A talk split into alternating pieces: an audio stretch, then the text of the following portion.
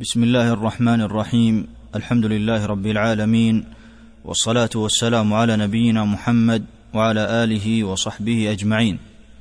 أما بعد فهذا درس من دروس شرح ثلاثة الأصول للإمام العلامة الشيخ محمد بن عبد الوهاب رحمه الله تعالى.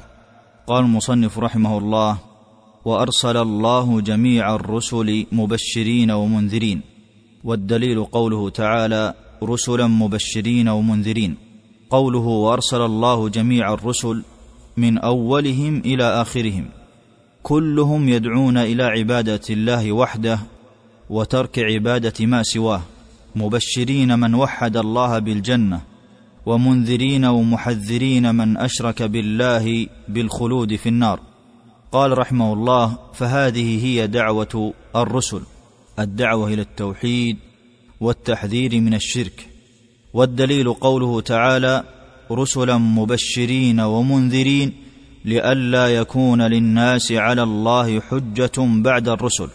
أي والدليل قوله تعالى رسلا أرسلناهم إلى الناس مبشرين أي من أطاعهم بالجنة وأعلى الطاعات هي التوحيد ومنذرين أي من عصاهم من المشركين والعصاة من النار. وأعظم الذنوب والعصيان هو الشرك.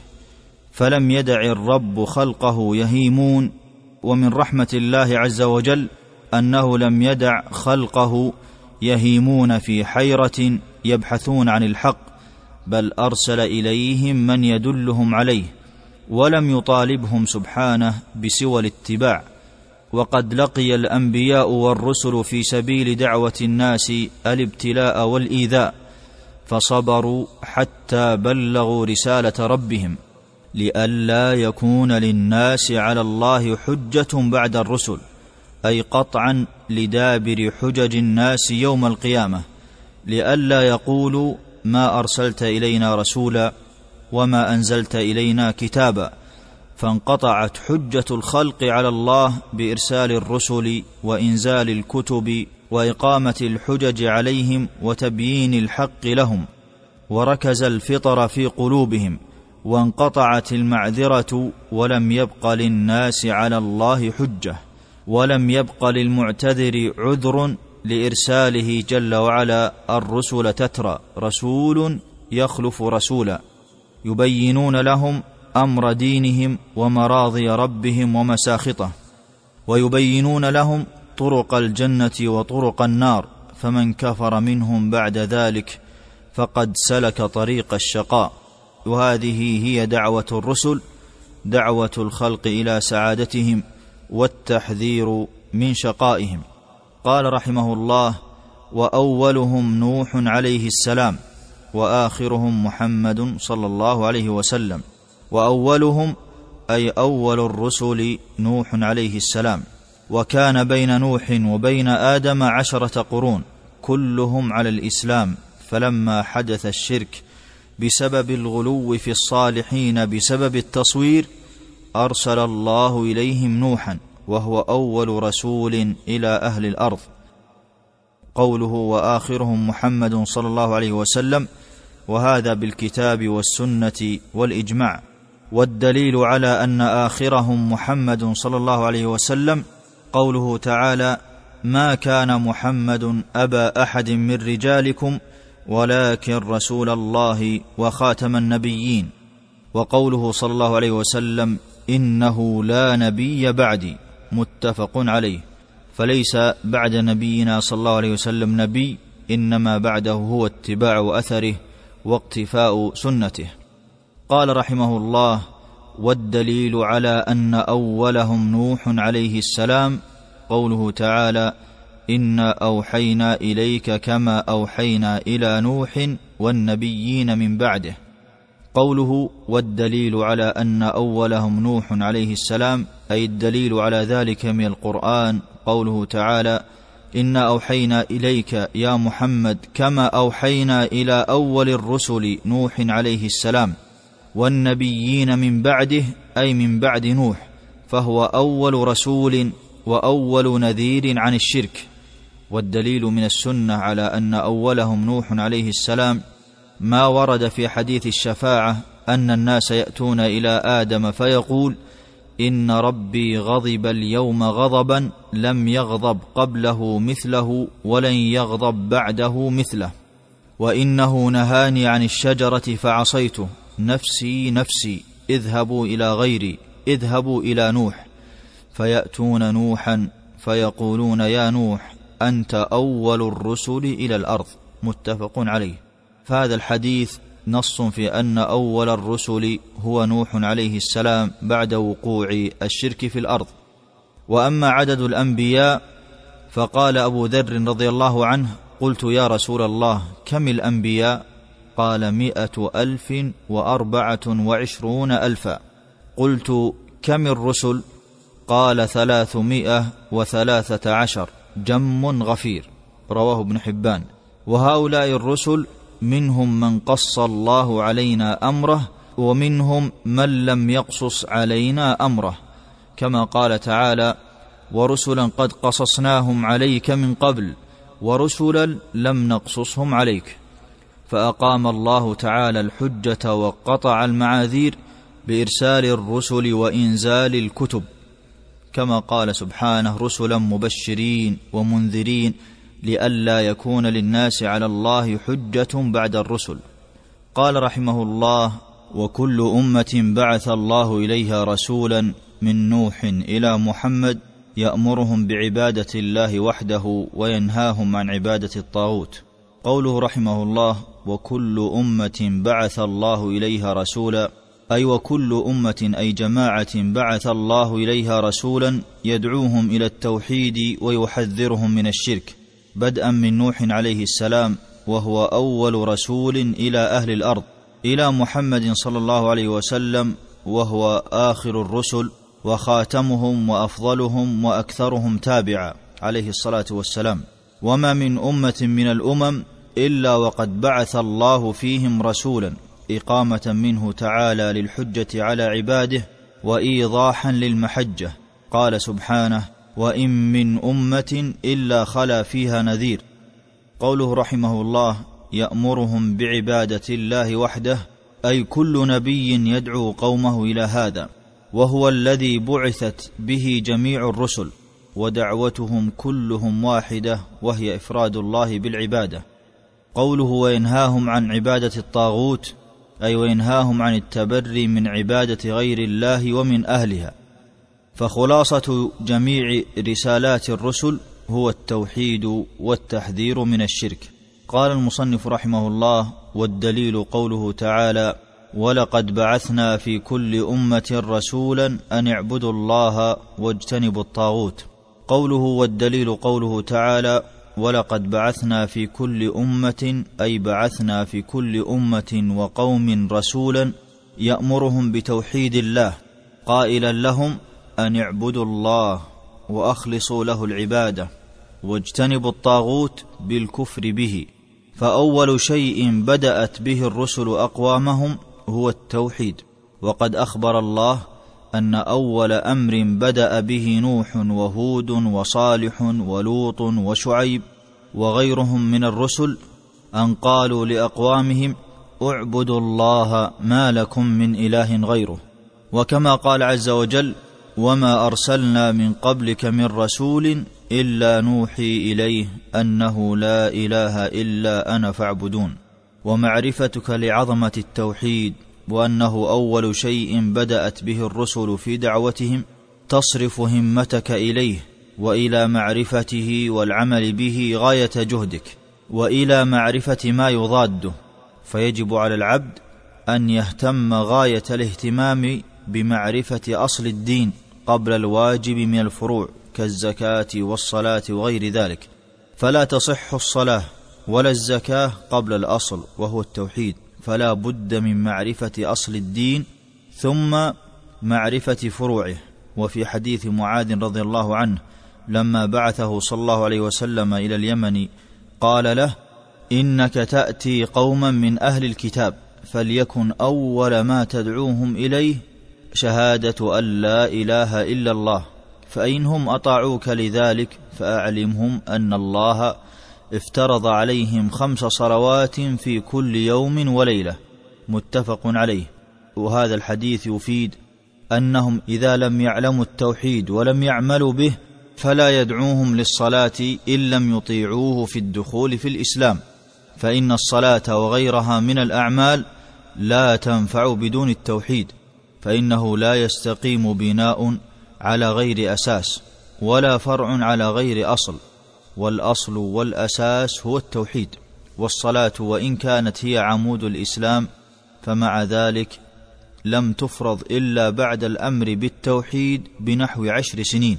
ومما يبين أن التوحيد هو الأصل أنه يوجد من يدخل الجنة ولو لم يصل ركعة واحدة وذلك إذا اعتقد التوحيد وعمل به ومات متمسكا به. كمن يسلم ثم يقتل شهيدا بعد إسلامه قبل أن يحين عليه وقت صلاة. وقد حدث ذلك في عهد النبي صلى الله عليه وسلم. يقول براء بن عازب رضي الله عنه أتى النبي صلى الله عليه وسلم رجل مقنع بالحديد فقال يا رسول الله أقاتل وأسلم. قال أسلم. ثم قاتل يعني دله اولا على التوحيد ثم بعد ذلك دله على فروعه وهو الجهاد. فأسلم ثم قاتل فقتل. فقال رسول الله صلى الله عليه وسلم عمل قليلا وأجر كثيرا. متفق عليه. والصلاة وهي الركن الثاني من أركان الإسلام. لا تنفع وحدها مع عدم التوحيد بل لا بد من التوحيد. حتى ولو صلى وزكى وصام فأعماله هباء إذا لم يعرف التوحيد ويعمل به ويعتقده في قلبه. كما قال تعالى وقدمنا إلى ما عملوا من عمل فجعلناه هباء منثورا. فإذا عرفت أن الأعمال كلها لا تقبل إلا بالتوحيد حتى ولو عملت الركن الثاني من أركان الإسلام يتبين لك بذلك عظم شأن التوحيد وأنه ما هلك من هلك إلا بترك العلم بالتوحيد والعمل به. وما دخل الشيطان على من دخل ولا مزق عقول من مزق ولا وقع ما وقع إلا من آفة قولهم أن النطق بالشهادة كاف وإن لم يعلم معناها ويعمل بمقتضاها.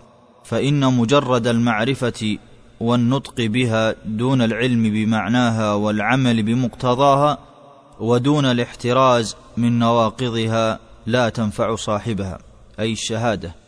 ومعرفة التوحيد والشرك من أهون ما يكون وأسهله اجمالا كما في زمن الصحابة رضي الله عنهم فإنهم كانوا يعرفون التوحيد والشرك. فمن قال لا إله إلا الله يترك الشرك ويعلم أنه باطل مناف لكلمة الإخلاص. ولهذا لما دعاهم النبي صلى الله عليه وسلم إلى التوحيد وقال لهم قولوا لا إله إلا الله تفلحوا قالوا أجعل الآلهة إلها واحدا إن هذا لشيء عجاب. لماذا؟ لأنهم يعرفون معنى هذه الكلمة العظيمة وهي خلع الأنداد من دون الله والكفر بها وعبادة الله وحده. وأما حين كثرت الشبهات صعب معرفة التوحيد والتخلص منه. وكثر النفاق وصار الكثير يقول الشهادة ويعبد مع الله غيره. لأنه لا يعرف معناها ويظن أن معناها هو عبادة الله فقط دون الكفر بالطاغوت أو التلفظ بها دون تحقيق معناها والعمل بها أو التلفظ بها ومعرفة معناها دون الاحتراز من نواقضها كالسحر وعبادة مع الله غيره من طواف وذبح ونذر ونحو ذلك فواجب عليك أيها المسلم أن تسعى لمعرفة معنى هذه الكلمة العظيمة وأن تتعلم معناها وأن تجاهد نفسك في العمل بمقتضاها وأن تحترز من نواقضها. قال المصنف رحمه الله وافترض الله على جميع العباد الكفر بالطاغوت والإيمان بالله. قوله رحمه الله وافترض الله أي أوجب الله على جميع العباد أي من إنس وجن وذكر وأنثى عربي أو عجمي حر أو عبد أوجب عليهم جميعا الكفر بالطاغوت والتبرؤ من الآلهة وأهلها واعتقاد بطلانها وأنها لا تنفع ولا تضر وأوجب عليهم أيضا الإيمان بالله أي إفراده بالعبادة وحده دون سواه. ومن آمن بالله ولم يكفر بالطاغوت لم يسمى موحدا. ومن كفر بالطاغوت ولم يعبد الله لا يسمى أيضا موحدا. إنما الموحد من جمع بين ركني التوحيد وهما الكفر بالطاغوت والإيمان بالله. فتعتقد أن عبادة من سوى الله عبادة باطلة. وتوحد الله وتقول بأنه لا يستحق أحد العبادة سوى الله عز وجل فمن اعتقد ذلك فهو الموحد. قال سبحانه فمن يكفر بالطاغوت ويؤمن بالله فقد استمسك بالعروة الوثقى لا انفصام لها. قال المصنف قال ابن القيم رحمه الله هو أبو عبد الله محمد بن أبي بكر المشهور بابن القيم الجوزية المتوفى سنة سبعمائة وإحدى وخمسين وهو من أخص طلاب شيخ الإسلام رحمه الله. قال في تعريف الطاغوت في كتابه إعلام الموقعين الطاغوت هو ما تجاوز به العبد حده من معبود أو متبوع أو مطاع. قوله الطاغوت أي تعريف الطاغوت هو ما تجاوز به العبد حده أي قدره الذي ينبغي له في الشرع. وصار بخروجه منه وتجاوزه طاغوتا يعني كل من عمل ما يتجاوز به الشخص فإنه يسمى طاغوتا لأنه تعدى الحد والقدر الذي وضعه له الشرع سواء كان هذا الطغيان أو التعدي والتجاوز من معبود مع الله بأي نوع من أنواع العبادة أو من متبوع من معبود مع الله بأي نوع من أنواع العبادة من معبود كمن يعبد فرعون. أو من متبوع في معاصي الله ويدخل في ذلك علماء السوء الداعين إلى الكفر والضلال ويدخل في ذلك أيضا الكهان والسحرة الذين يتبعون فيما يقولون. قوله أو من مطاع أي من مطاع من دون الله في التحليل والتحريم بأن كان يحرم ما أحل الله أو يحل ما حرم الله. ثم قال ابن القيم رحمه الله بعد تعريف الطاغوت فإذا تأملت طواغيت العالم فإذا هي لا تخرج عن هذه الثلاثة. أي أن الطاغوت إما أن يكون من معبود من دون الله أو متبوع في معاصي الله أو من مطاع من دون الله في التحليل والتحريم. قال المصنف رحمه الله والطواغيت كثيرون ورؤوسهم خمسة. إبليس لعنه الله. أي أنك إذا عرفت ما حده لك ابن القيم في تعريف الطاغوت وهو ما تجاوز به العبد حده من معبود أو متبوع أو مطاع تبين لك أن الطواغيت من الخلق كثيرون جدا وذلك أن كل من تجاوز حده في الشرع صار بخروجه منه وتجاوزه طاغوتا ورؤوسهم أي زعماءهم بالاستقراء والتأمل خمسة. أولهم إبليس الشيطان الرجيم وهو رأسهم الأكبر. فقد تجاوز ما أمر الله به وعصاه وارتكب ما نهاه عنه وهو الداعي إلى عبادة غير الله فهو أول الطواغيت. كما قال عز وجل ألم أعهد إليكم يا بني آدم ألا تعبدوا الشيطان إنه لكم عدو مبين فهم قد عبدوه من دون الله. وقد لعنه الله فهو مطرود مبعد عن رحمة الله كما قال سبحانه وإن عليك لعنتي إلى يوم الدين قال رحمه الله ومن عبد وهو راض أي الرأس الثاني من رؤوس الطواغيت من عبد وهو راض بتلك العبادة الصادرة من العابد بأي نوع من أنواعها فهو طاغوت من رؤساء الطواغيت وكبرائهم. سواء يعني يدعو الناس إلى أن يعبدوه سواء عبد في حياته أو بعد مماته إذا مات وهو راض بذلك. قال سبحانه ومن يقل منهم إني إله من دونه فذلك نجزيه جهنم كذلك نجزي الظالمين. قال رحمه الله ومن دعا الناس إلى عبادة نفسه.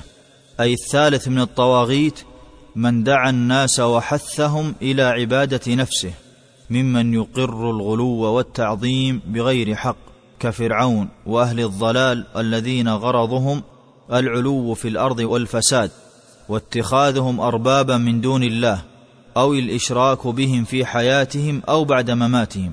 كما قال عز وجل إخبارا عن فرعون أنه قال ما علمت لكم من إله غيري فمن دعا الناس إلى عبادة نفسه وإن لم يعبدوه فإنه من رؤوس الطواغيت سواء استجيب له وعبد أو لم يستجب له ولم يعبد لأن العبادة لا تصرف إلا لله. فطغى هذا الطاغوت ودعا إلى صرف العبادة عن الله إلى نفسه وهذا من أعظم البهتان. قال رحمه الله ومن ادعى شيئا من علم الغيب أي الرأس الرابع من الطواغيت من ادعى شيئا من علم الغيب كالمنجمين والرمالين والسحرة من الكهان ونحوهم فهم من الطواغيت وما يزعمونه كذب وخديعة على عامة الناس قال سبحانه وعنده مفاتح الغيب لا يعلمها إلا هو فإن علم الغيب لا يعلمه إلا الله لا تعلمه الملائكة ولا من دونهم من الجن أو السحرة أو الكهان. وهذا من تمام إحكام الخلق وكمال الهيمنة وعظمة الربوبية أنه لا يعلم الغيب إلا من خلق هذا الكون. قال سبحانه قل لا يعلم من في السماوات والأرض الغيب إلا الله فلا يعلمها إلا الله. وقال عز وجل عالم الغيب والشهادة فتعالى الله عما يشركون. فلا يعلم الغيب سوى الله عز وجل. والسحرة والكهان من رؤوس الطواغيت فالساحر أخبث الناس نفسا وأفسدهم طبعا وأظلمهم قلبا. قريب من الشيطان عابد له مدبر عن الخير ناقم على المجتمع متصف بأحقر الصفات. يكذب على من يأتيه بالأخبار المزيفة. أخبر النبي صلى الله عليه وسلم عن حقيقة حالهم فقال يلقيها على لسان الساحر أو الكاهن فيكذب معها مئة كذبة. متفق عليه. هذا هو حال السحرة والكهان الكذب والدجل والشعوذة. ولا يتم للساحر السحر إلا بعد الكفر بالله العظيم. قال عليه الصلاة والسلام ومن سحر فقد أشرك. رواه النسائي. قال في فتح المجيد هذا نص في أن الساحر مشرك إذ لا يتأتى السحر بدون الشرك. ولقد اكتوى بنار السحرة الأفراد والمجتمعات ومنهم من باع دينه للسحرة والمشعوذين بسؤالهم المغيبات أو طلب السحر منهم لتحقيق أطماع موهومة والسحر جامع لمهلكات في الدين من الاستغاثة بالجن والشياطين وخوف القلب من غير الله ونبذ التوكل على الله وإفساد معايش الناس ومصالحهم وهو من معاول هدم المجتمع ومما يفرق الأسر. قال عليه الصلاة والسلام اجتنبوا السبع الموبقات. قالوا وما هن يا رسول الله؟ قال الشرك بالله والسحر وقتل النفس التي حرم الله إلا بالحق وأكل الربا وأكل مال اليتيم والتولي يوم الزحف وقذف المحصنات المؤمنات الغافلات متفق عليه. فذكر النبي صلى الله عليه وسلم أن أعظم موبق بعد الشرك هو السحر بل قدم على قتل النفس التي حرم الله والساحر همه هو التفريق بين متحابين. قال سبحانه فيتعلمون منهما ما يفرقون به بين المرء وزوجه. وقال جل وعلا في بيان حالهم ويتعلمون ما يضرهم ولا ينفعهم فهم يضرون ولا ينفعون. بل يخدع السذج من الناس ويفسد عليهم دينهم ويخرجهم من هذه الملة. ومع هذا يحبون المال حبا جما ليصلوا إليه بخديعة الناس وإفساد دينهم عليهم. ولما طلب فرعون من السحرة أن يواجهوا موسى عليه السلام بالسحر طلبوا منه مالا. قال سبحانه اخبارا عنهم وجاء السحرة فرعون قالوا إن لنا لاجرا إن كنا نحن الغالبين. قال نعم وإنكم لمن المقربين. فذكر الله عز وجل أن السحرة من قديم وهمهم الطمع والجشع وحب المال. والساحر يمكر بالآخرين يدعوهم إلى الشرك يأمر من يأتيه بالذبح لغير الله. وقد يأمره بتعليق تميمة زاعما النفع منها ودفع الضر بها. والنبي صلى الله عليه وسلم قال من تعلق تميمة فقد أشرك رواه أحمد. فضرره محض على المجتمع وأفعاله ظلمات متراكبة. أوقع أفرادا من المجتمع في الشرك وأحل به الخطوب. شتت بيوتا سعيدة. وفرق بين زوجين متآلفين فذاق بسببه الأبناء الأبرياء مرارة الحياة وتعرضوا بفرقة والديهم لأسباب الانحراف جلب الساحر للناس الهموم والكروب فكم من إنسان معافى تسبب الساحر في مرضه وكم من فقير تحمل ديونا طلبا لعافية تسبب الساحر في سلبها وكم أكل الساحر من الأموال سحتا بما يزعمه من الدواء أو علم الغيب وكم من إنسان أخرجه الساحر من الدين لتصديقه خبرا من الغيب لا يعلمه إلا الله. قال عليه الصلاة والسلام من أتى عرافا أو كاهنا فسأله عن شيء فصدقه بما يقول فقد كفر بما أنزل على محمد رواه أحمد. ولتفاقم خطر السحرة على المسلمين جاء حكمهم بقطع أعناقهم لتسلم المجتمعات من شرورهم. كتب عمر بن الخطاب رضي الله عنه إلى عماله أن اقتلوا كل ساحر وساحرة وجزاؤه في الآخرة دخول النار. قال عز وجل ولقد علموا لمن اشتراه ما له في الآخرة من خلاق أي أنه في الآخرة مفلس ليس له سوى الدخول في النار. لهذا كان من ادعى شيئا من علم الغيب طاغوتا من الطواغيت يجب الحذر منه والبعد عنه والتحذير من شره أو القرب منه. ويجب على الناس أن يوصدوا الباب بينهم وبين السحرة والكهان لئلا يفسدوا عليهم دينهم ويخرجوهم من ملة هذا الدين. ثم قال المصنف رحمه الله ومن حكم بغير ما أنزل الله أي أن الخامس من الطواغيت من حكم بغير ما أنزل الله كمن يحكم القوانين الجاهلية أو بشيء من وضع البشر وهو ليس من الشرع قال سبحانه ألم تر إلى الذين يزعمون أنهم آمنوا بما أنزل إليك وما أنزل من قبلك يريدون أن يتحاكموا إلى الطاغوت وقد أمروا أن يكفروا به. وقال الله عز وجل ومن لم يحكم بما أنزل الله فأولئك هم الكافرون.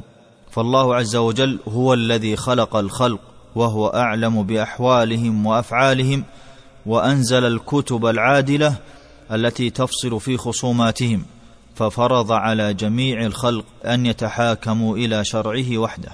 فواجب على كل مسلم أن يفرد العبادة لله وحده وأن يكفر بالطاغوت وأن يتبرأ منه ويجتنب نزغات الشياطين لئلا يقع في شرك الشيطان وأن يلجأ بقلبه وأعماله له وحده عز وجل. لينال رضا ربه تعالى. وإلى هنا نأتي إلى نهاية درس من دروس شرح ثلاثة الأصول للإمام العلامة الشيخ محمد بن عبد الوهاب رحمه الله. وصلى الله وسلم على نبينا محمد وعلى آله وأصحابه أجمعين. تم تنزيل هذه المادة من موقع نداء الإسلام www.islam-call.com